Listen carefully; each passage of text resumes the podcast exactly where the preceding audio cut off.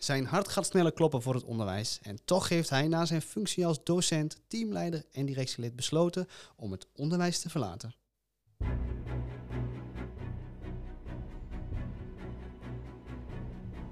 Wat leuk dat je luistert naar weer een nieuwe aflevering van de Meestelijke Podcast. In deze podcast houden Herman Schotanus Blok en ik, Rutger Sipma, het onderwijs een spiegel voor. Hoe kijken mensen met kennis van buiten naar het onderwijs?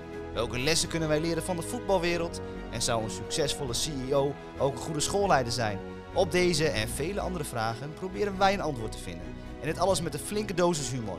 Vind je onze podcast de moeite waard? Vergeet dan niet om je te abonneren. Op die manier mis je nooit meer een aflevering van je favoriete podcast.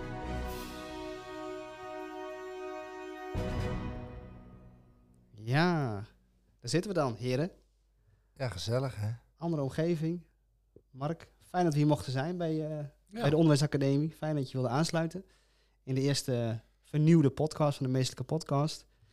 Dus bij deze welkom in je eigen, Dankjewel. in je eigen kantoor. Ja, dankjewel. Nou, jullie welkom. Zo als je gaat uit eigen- eigen doos, hè? Ja. Dus Herman ook. Ja, Hoe- Hoe dankjewel. voel je je zo? De keer als echte co-host, critical sidekick, niet Ja, als dat is, wel, dat is wel even dat je daarover gaat nadenken. Van wat houdt er precies in en wat ga je dan doen? En eh, ga je dan eh, wel inbreken of niet inbreken? Of ga je gelijk een vraag stellen over die intro? Hè, waar, je, waar je zegt dat we een, eh, een, eh, iemand spreken die uit betaald voetbal komt, wat dan ook. En, maar nee, ik bedoel dat stukje ervoor, dat is een grapje. Ik bedoel dat Oh. stukje ervoor waarin je zegt van we gaan met iemand praten die het onderwijs heeft verlaten. Dus dat is natuurlijk wel interessant. Want, Wat, wat triggert jou dan daarin? Ja, het, het onderwijs verlaten. Sowieso is het onderwijs tekort een heel groot eh, thema natuurlijk, wat veel in het nieuws eh, komt. En er zijn heel veel mensen die ooit een bevoegdheid hebben gehaald en die niet meer in het onderwijs werken. En, eh, en Mark is daar kennelijk één van. Dat is helemaal niet waar, hè? Ja, Ik werk er niet in, maar dan, dus ik heb het onderwijs niet verlaten. Vertel, hoe zou je het zelf omschrijven, ja. Mark? Nou, dat ik in een andere, vanuit een andere rol nu een bijdrage lever aan het een goed onderwijs voor Ja. kinderen en jongvolwassenen. Hè? Dus ik, ik sta niet meer elke dag met beide benen in, eh, in de onderwijspraktijk, maar Nee. we helpen nu eh, scholen in Nederland om nou ja, uiteindelijk goed onderwijs te kunnen geven. Is dat ook een trigger bij jou? Dan weet je, ik zei het bewust, heb ik zo geformuleerd. Ervaar je dat ook zo? Dat mensen dat zo zien? Hij heeft het onderwijs Ja, verlaten. ja, zeker. Ja, nou ja, het is wel heel grappig dat je dat. Het triggert mij zeker. Toen ik bij eh, mijn, mijn laatste dienstverband eh, in het onderwijs was bij, uh, bij College. En, Ja. en daar was ik directeur. En als je dan bij andere schoolbesturen binnen wil komen, dan kom je overal binnen. Hè, want je bent Mhm. een collega. En of je bij Ja. de PO, de VO, de MBO-raad aanklopt, je krijgt altijd gehoor en je bent overal welkom. En toen ik eh, de maand eh, daarna ineens ondernemer was, was het die grote boze commerciële jongen. En eh dan kom ik nergens meer. Ah, niet, nee, niet nergens, maar eh, ik, ik was verbaasd over de hoeveelheid deuren die toen ineens dicht waren voor mij. Of hoeveel moeite ik moest doen om bijvoorbeeld nog gewoon een heel leuk kennismakingsgesprek te hebben bij Ja. iemand van de VO-raad. Ik kwam er gewoon echt niet binnen. Interessant. Gaan we zo door verder. Weet je, ik maak nu dezelfde fout als jij net. Weet je, wie is nu Mark? Weet je, ik heb kennis gemaakt met jou. Maar misschien is het even leuk wie je bent. Weet je, volledige naam. Ik ben eh, Mark Nijmantering en ik ben directeur-oprichter van Onderwijsacademie. En kom je hier ook uit de regio, uit mooie Twente? Dat heb je al gehoord, eh, Rutger, dat klopt. Ja.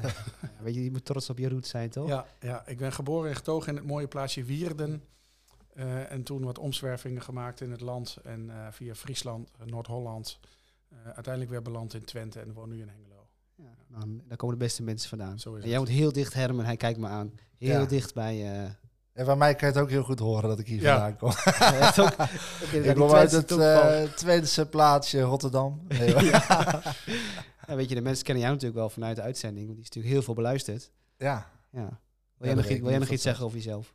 Eh, nee, niet per se. Wel dat, ik het, dat het leuk is om hier met twee mensen uit Twente te zitten. Ja. Dat is goed voor mijn eh, inburgering. Je verstaat ons wel, Herman. Ja, ja. ja. En, en begr- begrijp je ons ook? Ja, maar jij hebt ook wel eens in- Haarlem gewoond. Eh, Klopt. Dus dat scheelt ook weer een beetje. Heb je iets afgeleerd. En, en voor Rutger weet ik niet. Ja, ik kan hem wel verstaan. Ik heb wel eens mensen die ik niet kan verstaan, maar ik kan jullie beiden prima Ik wil een keer een aflevering in Twents maken. Ja, Ik doe gewoon onmunnig plat praten. Ja, ik kan ook niet echt plat praten hoor. Dat doe ik toch ook wel een beetje. eh, Met Herman Met Vinkers uitnodigen. Dat is op zich wel... eh, Wie? Herman Vinkers is het toch? Van ja hier? Vinkers, ja. Ja. Je zegt dat je het niet kent, Mark. Maar je- ik, hij zei eerder wat, eerst wat anders, toch? Nee, Herman Vinkers zei Oh. ik. Ja, ja. Kunnen we denk ik het onderwijs ook heel veel van leren. Zijn Ja, nuchterheid en eh, Hey, creativiteit. maar, hey, maar dat, eh, ik, ik ben even getriggerd. Dat commerciële, want je zegt ineens was ik ondernemer en commercieel. Ehm, i- i- waarom gaat het onderwijs daar heel erg op aan? Om je in ieder geval niet meer uit te nodigen? Nou, de- dat weet ik niet zo goed. Ik heb daar niet eh, diepgaand onderzoek naar gedaan. Maar ik kan me er wel een voorstelling bij maken. Ik denk dat er over het algemeen, en niet alleen het onderwijs, maar ook wel breed in Nederland, heel veel publiek geld verloren gaat aan onzinnige commerciële initiatieven. Hè. Dus ik snap best dat daar wat weerstand ontstaat. Ehm, maar goed, mijn drijfveren eh, zijn niet veranderd. Hè. Dat ik nu vanuit een andere rol bijdrage lever aan, aan onderwijs, betekent niet dat mijn drijfveren veranderd zijn. Ehm, dus ja, ergens vind ik het ook wel weer eh, bijzonder, die attitude. Hè. En dan zeggen mensen wel eens, ja, maar jij verdient geld aan onderwijs. En ik zeg, nou ja, jij doet het volgens mij ook niet vrijwillig, toch? Jij krijgt ook elke maand je salaris betaald. Eh, en dat er bij mij wat eh, overblijft, zodat ik ook nog gewoon mijn gezin kan onderhouden, lijkt me Nee, dat is evident. Maar kun je dan herleiden waar dat, wat hem dan zit, waar dat vandaan komt? Dat zit denk ik heel diep. Heb je al ontdekt waar het in zit bij die mensen, bij die onderwijsmensen? Nou, nee, niet, niet echt, nee. Ehm, nee, niet echt. Nou, Nee. Niet anders dan wat ik net zei, dat ik de aanname doe. Ja. En dat vind ik zelf ook wel, hè, dat er heel veel publiek geld, ook in het onderwijs, eh, verloren gaat aan, aan eh, commerciële initiatieven die het uiteindelijk niet halen. Of aan projecten. Hè, eh, subsidies, die moeten leiden tot uiteindelijk Mhm. beleid. Hè, niet aan project, dat zijn dan projectsubsidies. En uiteindelijk is het project voorbij en Ja. het is geen beleid geworden, dus het geld is weg. Hè. Wat maakt jou dan anders dan die andere projectmensen? Eh, nou, dat mogen onze klanten zelf eh, eh, beoordelen, wat mij anders maakt. Maar ik denk wel dat wij gewoon heel ehm, aannemelijk kunnen maken en aantoonbaar gewoon iets leveren aan het onderwijs Ja. waar ze behoefte aan hebben. En waar ze- waardoor ze ook gewoon bepaalde dingen beter voor elkaar krijgen, beter op orde Ja. krijgen. Maar zou het onderwijs, hè, want dat is denk ik wel vaak een ding, is of het onderwijs het niet zelf kan. Hè, dat is natuurlijk vaak de vraag met het commerciële. Is het iets wat het onderwijs echt niet kan? Ehm, en dan is het oké dat het dan van een andere partij is. Hè. Ik denk bijvoorbeeld, het onderwijs kan niet zelf magister ontwikkelen. Ehm, ligt daar dan dus de streep van eh, of het onderwijs het wel of niet kan organiseren? Mm, dat zou kunnen. Dat zou kunnen. Kijk, iets wat je niet zelf kunt, eh, dat, dat laat je door een ander doen. En als je iets door een ander laat doen, ja, dan, dan hangt daar vaak ook een prijskaartje aan. Hè? Eh, en, en niet kunnen betekent niet dat je het feitelijk niet kunt in termen van kennis of vaardigheden. Maar het kan ook zijn dat je een andere keuze maakt om iets uit, uit te besteden. Kijk, ik kan prima mijn eigen tuin doen, maar ik heb gewoon... zo gek dat ik, nu, dat wat ik nu ga zeggen, want ik ben directeur van Heel benieuwd. Heel van de groene school geweest, maar ik Oh, heb ja. een hekel aan tuinieren.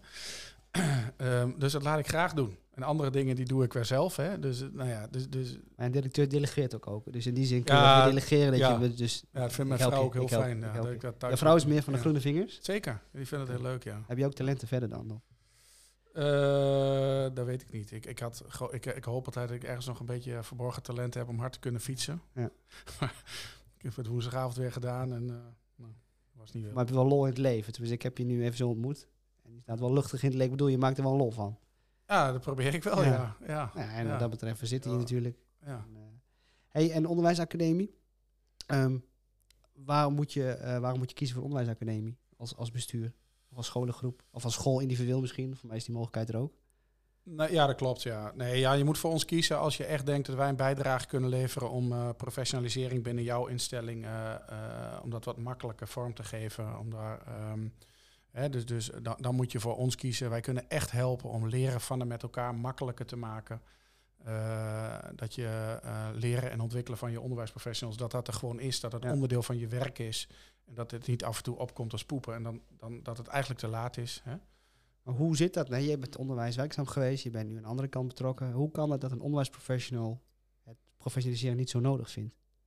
Ik denk niet dat dat zo is, dat ze het niet nodig vinden. Ik denk dat iedereen het heel erg nodig vindt. Maar kijk, wat ik in het onderwijs zie, en dat gold ook voor mezelf, hè, toen ik eh, schooldirecteur was. Mhm. ehm, een leerling komt altijd van rechts. En kort daar achteraan komen ouders en, en eh, collega's in mijn Mhm. geval. Hè, en die hebben allemaal voorrang op dat wat voor mijzelf belangrijk is. In directe zin. Want Mhm. indirect is het voor leerlingen en ouders ook belangrijk dat ik mezelf ontwikkel. Maar dat geldt voor onderwijsprofessionals in brede zin. Eh, als we het heel erg druk krijgen met het primaire proces, dan glijden onze eigen zaken als eerste van tafel. En daar hoort professionalisering gewoon bij. En dat is helemaal niet erg. Daar moeten we ook vooral niet erg vinden met elkaar. We moeten alleen oog voor hebben. En dan zorgen dat we eh, onze medewerkers goed faciliteren door professionalisering gewoon te organiseren. Want je zei net even tussendoor, hè, dan vergeten wij onszelf. Zie je dat ook zo, professionalisering, dat je dan jezelf daarmee voorbij streeft als je het niet doet? Je zegt, de, de leerling gaat voor, ik snap wat je bedoelt. Ja. Maar zou je dan eigenlijk zeggen, kies het vaak voor jezelf? Uh, ja, en daarmee indirect ook voor die leerlingen. Laat het ook volstrekt helder zijn. Um, maar uh, we hebben het altijd druk. Uh, we hebben het altijd te ja, druk. Is dat, hebben wij het altijd druk? Of nou vinden ja, we dat, dat heel druk hebben? Ik denk met name dat laatste, ja. Ik vind namelijk, dat is ook wel heel pittig wat ik nu ga zeggen, dat het wel een beetje meevalt met werkdruk in het onderwijs. Want ik vraag me af of we elkaar af en toe wel voldoende de maat nemen in termen van zijn we met z'n allen goed genoeg in staat om onze werkwerk efficiënt te organiseren. Dat is wat anders dan dat je heel druk hebt. Want de, de interventies die nu gedaan worden uh, in het VO, dat, dat er gewoon een, een, werkweek bestaat niet meer uit 30 lesuren, ook niet meer uit 27, ook niet meer uit 25, nu uit 24 geloof ik. Volgens mij gaat het zelfs naar 21. Dat is echt niet de oplossing. Want als we straks allemaal 21 lesuren hebben in de week, hebben we het over een jaar weer druk. Hè? Dus, dus we moeten in de fundamenten, en de wat mij betreft is dat gedrag van mensen. -hmm. En daarmee zeg ik niet dat dat nu een fout gedrag is of zo. Maar ik denk dat daar heel veel te halen is nog in hoe organiseer je nou effectief je werkweek als je in het onderwijs werkt. Want laat ik ook daarbij uh, benoemen, dat is niet makkelijk. Hè? Als, uh, als je kijkt naar die dynamieken die op zo'n werkdag op je afkomen. Uh, vroeger was er zo'n reclamespotje, onderwijs elke dag anders. Ja, Mhm. we weten alle drie zoals we hier zitten. Dat Ja. is echt zo. Ja, maar moet je dan, heb je dan het gevoel dat je eh, leren als eh, professional, dat je dat dan moet verplichten? Dat dat dan in, in iedere week ingebakken zit? Of moet je een bepaalde manier het helemaal inrichten dat men weer gaat denken dat het dus echt die APK is? Hè? Wat je net zegt, dat het, eh, je vergeet nog aan jezelf te werken. Maar ik denk dat heel veel mensen ook wel een beetje een cursus zien als extra werkdruk. En niet denken van ik ga aan mezelf werken en daar ook heel gelukkig van worden. Maar als je zou je dan bijvoorbeeld als, als directeur zijn, nou in dit geval zijn jullie dat bij, eh, beide of, of geweest. Ehm, hoe organiseer je nou dat men intrinsiek het gevoel gaat hebben, ik ben aan het professionaliseren en ik ben, word daar heel erg blij van. Maar de vraag is of dat gevoel er zo manifest moet zijn. Of dat je, kijk, leren, je kunt informeel leren, je kunt formeel leren. Zoals je net het voorbeeld van een cursus noemde, dat is een voorbeeld van formeel leren. Dat is gepland, dat is georganiseerd, dat is met begeleiding. En informeel leren, dat ontstaat. Hè? Mhm. dat, dat, is, dat, is, en dat is ook niet met expliciete begeleiding. Ehm, dus, dus de vraag is of dat gevoel er zo manifest moet zijn en of je dingen eh, verplicht moet maken. Ik geloof daar niet in. Faciliteer het. En faciliteren betekent niet alleen maar dat je scholingsdagen organiseert, dat je mooie e-learnings aanbiedt, dat je misschien wel een leerplatform hebt, dat je een interne academie hebt. Daar houdt facilitering niet op. Facilitering zit ook in het goede gesprek voeren met elkaar over ontwikkeling. En daarmee, eh, daar, daarmee doe ik ook een appel op alle leidinggevenden in het onderwijs. Je moet af en toe gewoon een prikkel geven van links of van rechts. Goh, hoe gaat het met jou als het gaat over je eigen ontwikkeling? En als je die vraag nooit krijgt, ja, dan, dan, dan glijdt het zomaar van tafel. Dus zeg je ook indirect eigenlijk dat wij ook in de spiegel moeten kijken. Weet je, de leidinggevende in het onderwijs, die wijst natuurlijk heel makkelijk naar externe, naar commerciële organisaties. Maar hebben we dan misschien niet zelf ervoor gezorgd dat we op dit punt zijn? Dat denk ik. Wanneer heb jij het voor het laatst gevraagd aan een eh, collega? Nou ja, ik ben me daar wel bewust van. En, en dat ik denk, weet je, je, je moet bewust bezig zijn met je ontwikkelen. En ik denk dat professionalisering in de breedste zin van het woord ook zit in het ehm, met elkaar in gesprek gaan, het in het team kijken, wat heb je nodig, ehm, het belangrijk maken van bepaalde taken en functies. En eh, daar heb je soms opleidingen voor nodig, maar dat is niet altijd professionalisering. En, en dat is ook als je het over die werkdruk hebt. Ik denk dat je het heel mooi moet combineren. Als jij een werkgroep hebt en je hebt het over het onderzoeken van een methode, kun je daar ook heel veel studie bij pakken en professionali- professionalisering bij pakken. Vaak denk je, en dat is misschien ook wat jij bedoelde, je gaat een studie doen, je gaat naar een hogeschool of je gaat naar een, een instituut en je moet daar blokken, studiepunten halen, dat soort dingen. Eh, Helemaal mee, sluit me helemaal bij aan. Kijk, professionaliseren gaat niet alleen maar over het volgen van een training of een cursus of het doen van een e-learning. Dat gaat over jouw ontwikkeling als professional. En ontwikkelen kan ook, eh, kun je ook doen door eh, dat je elke teamvergadering een bepaald onderwerp eh, op de agenda hebt staan Ja. waar je met elkaar het inhoudelijke debat over voert. Ja. Eh, dat kan ook zijn dat je een heel interessant artikel hebt gelezen of dat je geïnspireerd bent geraakt door een, door een TED-talk die je hebt Ja. gezien. Hè. Dat is allemaal. Dat valt wat mij betreft allemaal onder de paraplu Ja, ik, professionalisering. vind, ik vind het wel heel ingewikkeld, omdat de ene heeft het van zichzelf en de ander wat minder. De ene eh, zit weer veel meer in zijn werk en die, ja, die vergeet dus zichzelf eh, daarin. Maar over het algemeen, en, da- en dan ga je echt weer vanuit je eigen gedachten of wat je zelf hebt meegemaakt, is er wel heel weinig animo op school. Dus eh, als er wat werd georganiseerd, professionalisering, ja, ja, dat het is wel in, in alle scholen waar ik heb gewerkt stond niet de meerderheid te springen op, op dat te gaan doen. En dat Maar vind ik wel. Kun je een heel concreet voorbeeld noemen? Hè? Nou, ik, ben, ik moest er even aan denken. Ik ben, ze, ik ben de naam van die, eh, van die schaatser kwijt. Die nu overal presentaties geeft en ook overal in het onderwijs mag komen. Mark Tuiten? Ja, die ja. ja, ja. Die, eh, die mag nu heel veel vertellen over het onderwijs. En, en scholen nodigen hem ook uit. Maar ik, ik zal geen namen van scholen noemen. Maar hij werd uitgenodigd bij een eh, bestuur. En daar konden mensen zich opgeven. Nou, dan denk je, oké, dit is nog een beetje out of the box denken. Zo'n bestuur denkt, laten we iemand uitnodigen die, nou ja, op een andere manier misschien mensen kan meekrijgen. En dat bestuur had wel niet, niet eh 100 teamleden, maar echt eh, richting de 1000, 2000. En hadden geloof ik minder dan 10 zich opgegeven. Ja. Van de 2.000, 3000 Maar man, dit, maar- vrouw. ja, maar dit is precies waar het volgens mij misgaat.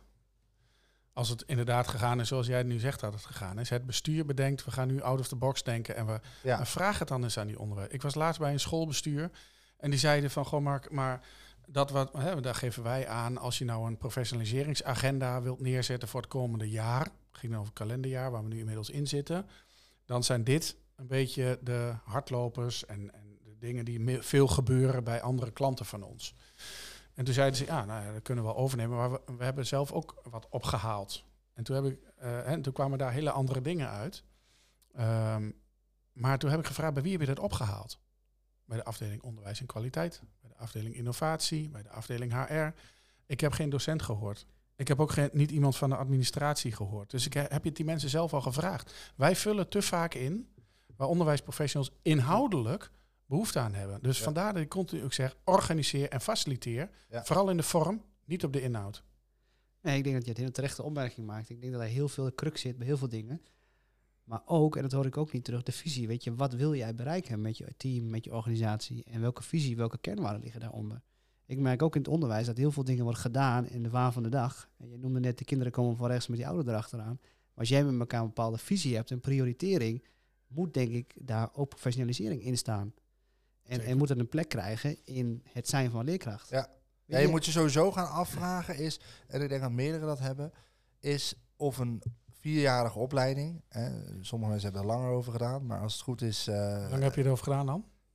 nou over de Pabo, Heb je het daar over ga de ik niks Pabo over zeggen. Dat was, dat Nee, vond ik, nee, ik even vond de stop. Pabo Stop. zelf... eh, Hoeveel, hoeveel jaar heb je over de Pabo gedaan? Ja, dat was eigenlijk de vraag. Dat was de vraag, niet omheen draaien. eh, ik wilde eigenlijk zeggen dat ik vind dat de Pabo, dat dat niet zo'n heel Nee. hoogstaande, moeilijke opleiding is. En dat ik door weinig aanwezig te zijn eh, toch gewoon binnen vier jaar klaar was. Oh, dat ik nee. vind dat dat wat zegt over de Pabo. Maar goed, dat zal ik niet, eh, daar gaat het nu niet over. Maar waar het wel over gaat is, eh, je bent in eh, eh, 1990 naar school gegaan bijvoorbeeld. En dat hebben we het over 30, 40 jaar geleden heb je de Pabo afgerond. Ehm, en dan ga je lesgeven. En dan nou, zeker over de discussie vandaag de dag, heeft iedereen over bevoegd, onbevoegd enzovoorts. Nou, ik, ik durf hem best erin te gooien dat ik dus vind dat als jij eh, sinds de jaren negentig eh, alleen bent gaan werken en je hebt verder niks gedaan aan eh, ontwikkeling en, professionalisering, dan ben je onbevoegd. Ik denk dat, dat, dat, dat ik denk niet dat ze het bij de AOB daarover hebben, maar ik denk dat het wel een ding is.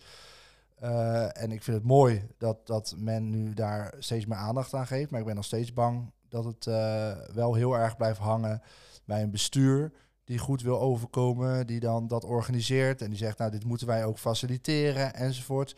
Ik denk, zeker in deze huidige tijd waar men met leraartekort, met de hele samenleving die er bovenop zit, met nou ja, echt wel de druk op het vak, eh, dat leren, blijven leren, dat dat wel een beetje een ondergeschoven kindje is. En waar ik wel van vind dat we daar met elkaar wat aan moeten doen. Ook om die nieuwe mensen die nu aan het onderwijs worden toegevoegd, ook mee te geven van het is een serieus vak. Je moet je blijven ontwikkelen, je moet blijven eh, eh, kijken hoe, hoe, hoe de maatschappij werkt op dit moment. En, en ja, het is misschien, ik vroeg aan jou in het begin van moeten we het verplichten? Nou, als je aan mij vraagt, moeten we misschien toch gaan kijken of je niet eh na, eh, na vier jaar niks doen je licentie kwijt bent. Hou, deze even vast. Ik wil jullie even een fragment laten horen van NPO Radio 1. Het was uh, jarenlang trekken en sleuren om werkenden te interesseren voor om- en bijscholing. Maar met de nieuwe stapregeling loopt het plotseling storm. Zo storm dat ook minister Karin van Gennep van Sociale Zaken en Werkgelegenheid ervan stond te kijken. Toch is er ook kritiek op de regeling, want is het wel goed besteed geld? En worden mensen ook omgeschoold naar beroepen die echt nodig zijn? Dat de stapregeling jou ongetwijfeld uh, bekend. Ja, maar dit is dus de reden waarom ik soms niet meer welkom ben als commerciële man binnen onderwijs. Waarom denk je dat ik hem erin heb gezet? Dit is een schande. Echt vertel, schandaal. Vertel. Wat hier gebeurt. Nou ja, kijk, daar zijn natuurlijk van allerlei televisieuitzendingen, radioprogramma's en krantartikelen aan gewijd. Um, er zijn commerciële bureaus in Nederland geweest die op, een, uh, op de dag van dat dat, dat slot open gaat, ja. hè, die daar gewoon uh, 200 studenten hebben gerecruiteerd en die als een malle die aanvragen zijn gaan doen. En schandalig. Hè? Crypto-cursus. Nee, maar dit is niet. Uh, en er zullen ongetwijfeld ook een hele hoop mensen zijn geweest die nog net op het nippertje wel een, uh, een prachtig mooi budget hebben gekregen ja. voor een opleiding die ze anders gewoon zelf niet kunnen betalen. Hè? Of die zich wel omgeschoold hebben naar een beroep wat ze, uh, wat ze ja. ambiëren. Maar dit is dus een voorbeeld van hoe je A vanuit de overheid aan de voorkant kunt verzinnen dat het misgaat. En B aan de achterkant dat er gewoon ja, commerciële partijen zijn. Uh, met alle respect, hè, want die, ik vind dat een aantal van die partijen ook gewoon prachtige dingen doen. Maar dit is gewoon schandalig. Zo ga je niet meer publiek geld doen. Je, zou je zeggen, de overheid, commerciële instellingen, zeg je dan eigenlijk, of is dat een kortere bocht, de overheid faciliteert eigenlijk waar ze op, wil, naar, uh, kritisch naar zijn? Ja, nou ja, weet je, de, ik ga altijd uit van de goede intenties. Dus ik weet zeker dat de overheid hier een goede intentie heeft gehad. Maar, maar wat is de intentie, denk je? Wat zit hier nou, achter? Kijk, wat ze uiteindelijk wel willen is dat ze dat leven lang ontwikkelen, waar hij het net over heeft. Ja. Hè. Dat geldt natuurlijk niet alleen voor het onderwijs, het geldt ook voor de hele maatschappij. We moeten onze leven lang blijven ontwikkelen, Ja. omdat innovaties, technologie, het gaat allemaal zo snel. Je moet ontwikkelen, je leven lang. Ehm, dat, de on- dat de overheid dat wil faciliteren, wil stimuleren, ja, dat, is, dat, is, dat is alleen maar prachtig. Goed, en dat ja. ze daar dan een regeling aan koppelen, zodat je ook voor mensen die, nou, voor wie het misschien wat minder vanzelfsprekend is, dat ze een omscholingstraject kunnen bekostigen, dat ze daar wat voor faciliteren, vind ik prachtig. Alleen als je dat doet op de manier zoals we dat nu hebben gedaan, ja, met alle respect, maar dan kun je erop wachten. Ja, een beetje net- zoals met het lerarenregister, hè? Dat was ook dus bedacht vanuit boven. Zonder na te denken over van, eh, eh, willen mensen dit en snappen ze erachter? Terwijl het, het gedachte daarachter dat, dat je dus, hè, waar, ik net over, over zei, van dat je als je je nooit ontwikkelt, dan moet je je licentie verliezen, wat je dat in sommige beroepen ook hebt. Dus die gedachte wel van, je wordt ook beloond als je de dingen doet en juist fijn om een mooi overzicht te creëren van wat je gedaan hebt. Alleen door het er zo in één keer in te gooien, dan zie je dus dat dat vaak misgaat. En dan, eh, dus dat commerciële, wat ook in, bij de stapbudget verkeerd ging, was dat iedereen, zeg maar, je kon een, een, een, een, eh, een cursus eh, kampvuur maken eh, voor 1000 euro. dat was oké, alles mocht. Ja. Nou, hetzelfde geldt uh, gold voor bijvoorbeeld provincialiseringsbudget in Rotterdam. Alles mocht. Dus als je zegt van, ik deed mindfulness, uh, de, de, als je dat ging doen, was ook oké. Dus er werd helemaal niet gekeken naar van, niks te, te naden van de mindfulness. Maar het, het gaat erom, dat er zat helemaal geen controle op. En dat was bij dat lerarenregister was ook dat dan commerciële partijen die dan uh, cursussen aan, gingen bieden. En dan stond, dan krijg je zoveel punten. Hè? En dan ging je bijvoorbeeld naar uh, zo'n bijeenkomst als van, volgens mij is dat van Diade of zo, zo'n leraar maakt het verschil. Hè? Dan, dan ga je er naartoe en dan kreeg je, weet ik veel, 600 punten. Plus was het ook precies het bedrag wat je persoonlijk budget was. En je kreeg dan ook nog een tablet, weet je wel. En, en dan mensen, oh, ik ga erheen. Ik krijg lekkere lunch. Ik kan naar Eva uh, luisteren. En ik heb uh, mijn punten weer behaald voor, uh, voor dit jaar. Dat is, dat is eigenlijk alles wat er, wat er vaak misgaat. Is iemand daarboven denkt, oké, mooi, interessant idee. Zullen de mensen heel leuk vinden. Laten we dat erin gooien. En dan blijkt dat nooit zo te werken. Terwijl nu achteraf... Je zegt ja. nu een paar keer daarboven, maar dat is, Nou ja, sommige mensen dus- interpreteren dan ook dat ja, iemand, nou, eh, niet, niet hemels, maar ik bedoel meer daarboven van dat niet de mensen om wie het gaat. Dus je, je, hebt een zo'n stapbudget wordt niet bedacht door Ja, de snap. mensen die het willen Nee. gebruiken en hetzelfde geldt voor leraarregister enzovoort. En dat, dat vind ik vaak jammer, want het idee achter het stapbudget is prima. Het idee achter het leraarregister is prima, maar het, werkt. Het schiet eh, zijn doel voorbij niet. omdat het Precies. niet breed gedragen is en van bovenaf is opge, opgedragen. Ja. En zoals jij natuurlijk Mark, ook al een aantal keer aangaf en wat je zelf hebt ervaren. Maar dan denk ik weer vanuit mezelf als schoolleider, als directeur, moeten we ook onze eigen hand in boezem steken. En ik vind heel vaak dat er heel snel wordt gekeken naar inderdaad de commerciële instellingen, naar de onderwijsacademies, naar de overheid. Dat ik denk, wat hebben wij dan zelf gedaan? Wat hebben wij zelf gedaan? En net stelde jij die vraag aan mij, Herman. Denk ja, ik kan in de spiegel kijken dat ik met mijn drie jaar ervaring daar wel mee bezig ben. Maar ik zie ook directeuren dat ik denk, ja, ik vraag me af of het het goede is. Als je het over kwaliteit hebt. En, Eens. en ik denk dat dat ook weer met professionalisering te maken heeft. Hebben de directeuren die er nu zitten altijd dezelfde gedegen opleiding gehad als die ik heb gehad? Ja. Ehm, en dat is denk ik ook een discussie. Maar wat zouden jullie ervan vinden dat je, dat je hè, zoals e- even terug op, de, op die discussie van nu, of iemand onbevoegd is of bevoegd. Hè? Dus er, er worden nog steeds door, door eh, bepaalde mensen, jullie vroegen net hoe lang ik over de PABO heb gedaan. Nou, ik heb deze week bijvoorbeeld iemand op een school, eh, eh, die mag daar proberen om te kijken of het onderwijs wat voor hem is. Hè? Ja. Dat, dat noemen we dan talent van buiten. En deze persoon mag dat testen en die heeft dan natuurwetenschappen gedaan. En, en een ander die ook mag beginnen deze week, die had ehm, eh, middeleeuwse eh, geschiedenis gestudeerd. Dus beide hadden ze een universitaire studie. Die gaan nu dus werken op een school. En die gaan eigenlijk proberen te ervaren of het basisschool eh, eh, docentschap wat voor hen is. Mhm. En zij zien er elke dag op het nieuws hoe onbevoegd ze zijn. En eigenlijk ook dat, je het, dat er gewoon mensen durven te zeggen... liever geen les dan les van onbevoegden. Terwijl dezelfde mensen op die school dus ook rondlopen... waar we net van zeggen, die hebben dan al vanaf de jaren negentig of ervoor... een dingetje gewoon gedaan, ooit Ja. de pabo gedaan. Hoe, hoe, hoe staan jullie daar, daarin?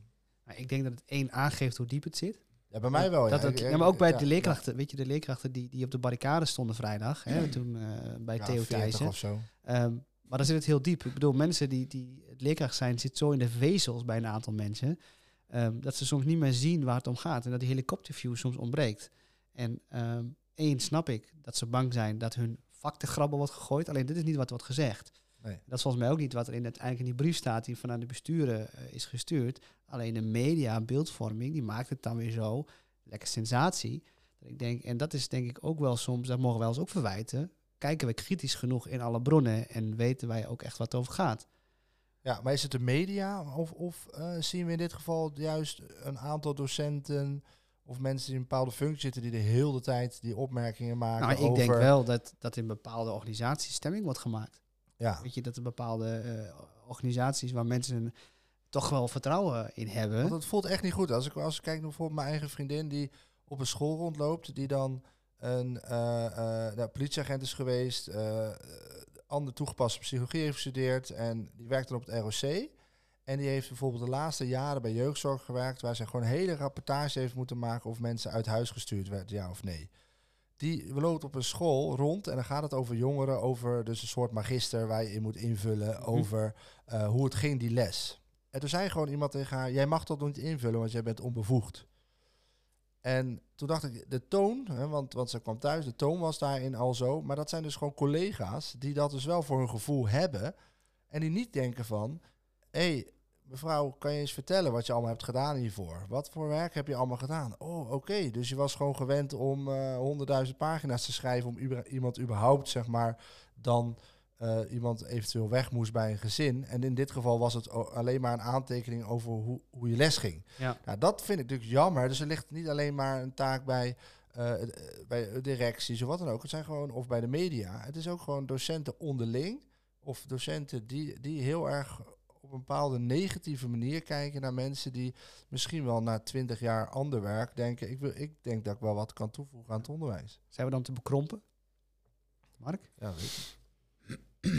Ja, weet ik niet. Kijk, ergens, eh, ook hier gaat het denk ik weer over intenties. Hè? Kijk, de beroepsgroep die zelf zegt, eh, wij willen ons vak niet te grabbel gooien. Dat snap ik heel goed. Hè? En dat gaat echt niet over ehm, dat ik er vier jaar voor geleerd heb en dat jij het eh, zonder opleiding zo mag zij instromen en met een PDG op de, op, op de hogeschool, dat je ook gewoon hetzelfde mag doen als ik. Daar gaat het echt niet over. Daar geloof ik niet in. Ik geloof erin dat mensen oprecht eh, bezorgd zijn. En volgens mij zit hij daar ook. Dat, dat je wel met kinderen werkt. En met jongvolwassenen werkt. Dat is een kwetsbare groep. In positieve en negatieve zin. We kunnen ze heel mooi beïnvloeden. Maar we hebben impact met wat wij doen met jonge kinderen en jongvolwassenen. Vanuit ons beroep als leerkracht, als docent. Ehm, en ik snap wel dat daar een oprechte bezorgdheid zit. En ik vind ook echt dat als je met kinderen gaat werken of met jongvolwassenen gaat werken, dan moet je wel bepaalde dingen kunnen. En dat begint bij dat je je bewust bent van ehm, de impact van jouw handelen en jouw woorden op kinderen en jongvolwassenen. En daar begint het mee. Ik vind dat mensen dat moeten weten, moeten kunnen, moeten beheersen. Ehm, En ik denk dat we een beetje aan het doorslaan zijn naar, naar die containerbegrippen uh, bevoegd en bekwaam. Hè. Ik krijg er een beetje hetzelfde gevoel bij. Iedereen gebruikt dat te pas en te onpas. Jij zegt net al, kijken we wel voldoende naar de bronnen van waar gaat het dan eigenlijk over. Mhm. Bij mij schiet dan door mijn hoofd dat, dat, dat videofragment wat een keer op het journaal was dat een man en een vrouw geïnterviewd werden van... Goh, meneer, u heeft ook de vlag op de kop hangen. Waarom doet u dat eigenlijk? Ja, dat is voor de Oekraïne. Hè? Ja. Maar dat gevoel krijg ik dan een beetje. Hè? Van ja, we, we vinden met z'n allen dat mensen bevoegd moeten zijn. Nee, we vinden eigenlijk wat anders. we vinden dat mensen, als ze met kinderen gaan werken... dat ze bepaalde dingen moeten kunnen. Kun je dat ook zonder bevoegdheid? Dat denk ik wel. Want ik denk dat er ook heel veel bevoegde mensen zijn die die dingen niet meer kunnen. Ja, dat wat jij ook net zei, Herman. Wat Herman ook zei, omdat ze zich niet zijn blijven... En, en, en je komt belangrijker nog, is, wat is echt goed dat je dat zegt is dat je ook weet dat je, je werkt dus met kinderen en, en, en de, de, het leven verandert. Je ziet gewoon dat er, dat er dingen veranderen als het om uitvindingen gaat, maar ook op de manier hoe ze in hun telefoon zitten, de, de prikkels die de kinderen heel dag krijgen, de andere gedachten die ze hebben over, nou, als je bijvoorbeeld corona nog hebt meegemaakt, dat mensen zeiden van dat, uh, dat één op de zoveel jongeren depressieve klachten heeft, ja. dan, ga je dus, dan moet je dus met elkaar gaan nadenken van heb ik, ben ik dus nog steeds bezig om mezelf zo te ontwikkelen dat ik die kinderen kan helpen. En dat is dus eigenlijk de hele tijd uh, professionaliseren met de gedachte van ik word steeds beter in mijn beroep. Ik, word, uh, ik kan ook in deze tijd de kinderen geven wat ze nodig hebben, want daar heb ik mezelf in ontwikkeld. Mm -hmm. En dan, en dan ga je, heb je een hele ander, heel ander gesprek dan of iemand zeg maar die eerst een route als uh, bij jeugdzorg en daarna het onderwijs ingegaan is, die prima past in die route mee. En dan ga je met elkaar ga je leven lang leren. Oh, want alleen zij stapt een andere route in. De ene heeft misschien meer ervaring, heeft een andere opleiding gedaan. Maar je gaat met elkaar doorleren. En dan ga je heel met elkaar kijken, zijn wij met elkaar, en precies wat dus Mark zei, de hele tijd bezig met het beste doen voor het kind. Want dat is dan jouw werk. En zijn wij dan nu het beste aan doen voor de kinderen uiteindelijk? Dat is de vraag, met wat wij nu doen. Het is ook misschien vanuit een soort angst, onwetendheid. En dan is de vraag die ik heb van, hè, is er dan een organisatie die dat zou moeten doen? Weet je, we hebben er een aantal keer omheen gedraaid. Je hebt natuurlijk een bond die bepaalde dingen zegt. En speelt die dan een verbindende rol in deze? Of, of... Oh, die heeft nu een totaal tegenovergestelde rol, heb ik het idee. Ja, vertel eens. Nou ja, kijk, uh, als je uh, hoort wat die uh, roepen en wat ze allemaal vinden en wat ze allemaal zeggen, dan is, dat, en dan is het de vraag, en volgens mij is dat de kern, of we gewoon een prettig beeld van ons beroep schetsen op dit moment. Hè? Ja. En, en, een aantrekkelijk beeld. Stel je voor dat je gewoon een, een, jong, een jong iemand bent van 17, 18, 19, die, die zich volop aan het oriënteren is, al dan niet op een lerarenopleiding al, Mhm. mm -hmm. maar die zich volop aan het oriënteren is, of wat voor vak ga ik straks uitoefenen in de maatschappij. Nou ja, dan denk ik dat je over docentschap nog drie keer nadenkt. Als je, als je tenminste op die leeftijd al kranten leest en de media volgt. Terwijl we wel verontwaardigd zijn waarom mensen niet meer kiezen of waarom ze niet meer afmaken. Nee, maar we hebben gewoon een ongelooflijk gaaf vak. Nee, 100% eens. Ik denk dat we het alle drie erover eens zijn. Ja, en uh, er zijn, uh, maar we maken met elkaar. Hè, ik reken mezelf dan nog maar even tot de beroepsgroep. Maar ja. ik vind niet dat de beroepsgroep het zelf doet hoor. Maar ik vind wel dat, dat, dat de organisaties die in die beroepsgroep actief zijn, of rond, daarom rondomheen actief zijn, en de media, wel een beeld schetsen van dit, van dit vak. En, en dan, welke belangen zullen dan meespelen? Wat is dan het belang van het kind voorop? Ja, maar goed, dat, kijk, uiteindelijk als jij vanuit het perspectief van een bond kijkt naar belangen, dan, dan, dan redeneren die nu uiteindelijk, tenminste dat denk ik niet, dan zou je dit soort dingen niet roepen en zeggen. Dan redeneer je niet door tot op het niveau van het kind. Dan redeneer je door. Wij zijn er voor die medewerkers in het onderwijs en die belangen hebben wij te behartigen. Mm -hmm. Maar uiteindelijk heb je de belangen te behartigen van het opgroeiende kind. Ja. Hè? En dan is, als je dan weer terugredeneert, roepen we dan de juiste dingen? Ja, ik denk het niet. Nee. En wat zou, nee, wat zou nodig we zouden zijn? wel nog, oh sorry, we zouden ook, ook, nog moeten kijken naar uh, veel breder dan dat. Is dat wat het mij ook heel erg opvalt in de samenleving, is dat er weinig meer gekozen wordt überhaupt voor een beroep die iets goeds doet voor de maatschappij.